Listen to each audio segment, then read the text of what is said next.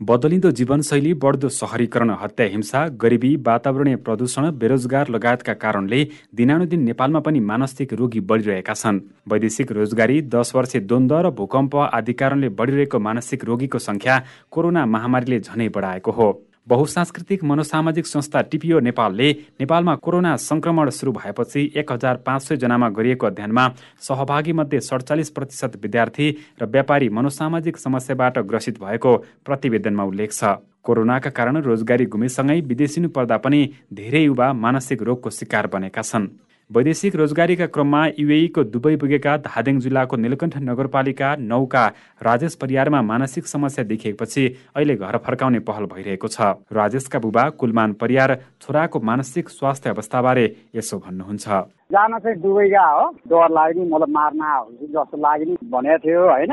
Tension भयो काम गर्ने अवस्था भयो मलाई चाहिँ अब के गर्ने म त जोग भयो भनेर चाहिँ अब जोइरहेको थिएँ। कुनै पनि व्यक्तिले आफ्नो क्षमतालाई महसुस गर्न सक्ने तनावलाई सामान्य ढङ्गले व्यवस्थापन गर्न सक्ने उत्पादनशील काम गर्न सक्ने तथा समाजमा केही योगदान दिन सक्षम हुने अवस्था नै मानसिक रूपमा पूर्ण स्वस्थ भएको अवस्था हो।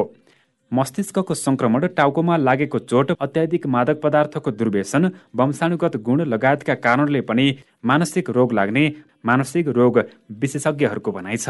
व्यक्तिलाई मानसिक रोगबाट छुटकारा पाउन परिवारको भूमिका ठूलो हुन्छ। मनोविमर्शकर्ता भरत गौतम। दुई वर्षदेखि चाहिँ अब जुन कोभिडको सङ्क्रमण अब दुनियाँभरिमा चलिराखेको छ। एक्लै बस्ने मान्छेहरू परिवार नभएका मान्छेहरू एक्लो जीवन बिताउँछन् उनीहरूमा पनि अलिक बढी समस्या। महिनाको दुई तिन सयजना मान्छेहरूलाई मनोसामाजिक सहयोग र साइकेट्रिक कन्सल्टेसनहरू गर्दै आएका थियौँ भने अब अहिले चाहिँ त्यो सङ्ख्या बढेर अब पाँच सय छ सयको हाराहारीमा पुगेको छ कि। सरकारले कोभिडलाई मात्रै प्राथमिकता दिँदा मानसिक रोगी ओजेलमा परेका छन्। मानसिक रोग उपचार गर्ने देशको केन्द्रीय अस्पताल पाटनस्थित मानसिक अस्पतालमा कोरोना महामारी अघि दैनिक डेढ सय बिरामी आउने गरेका थिए। तर कोरोनालाई प्राथमिकतामा राख्दा बिरामीको सङ्ख्या बढे पनि उपचार गर्न अस्पताल आउनेको सङ्ख्यामा भने कमी आएको छ। मानसिक रोगका बाह्र थरी औषधि नेपाल सरकारले निशुल्क दिने गरेको छ। त्यस्ता औषधि दुर्गमका स्वास्थ्य चौकीसम्म सहजै पुर्याउन अझै सकिएको छैन। मानसिक रोगीको समस्या समाधानको लागि सरकारको भूमिकाबारे यस्तो भन्नुहुन्छ मानसिक रोग विशेषज्ञ डाक्टर कमल गौतम। नेपालका सम्पूर्ण जिल्लाभर यस्ता मानसिक स्वास्थ्य सम्बन्धी सामुदायिक कार्यक्रमहरू चाहिँ सञ्चालन गर्ने औषधि उपचारहरू चाहिँ खरिद गरेर स्वास्थ्य संस्थामा उपलब्ध गराउने।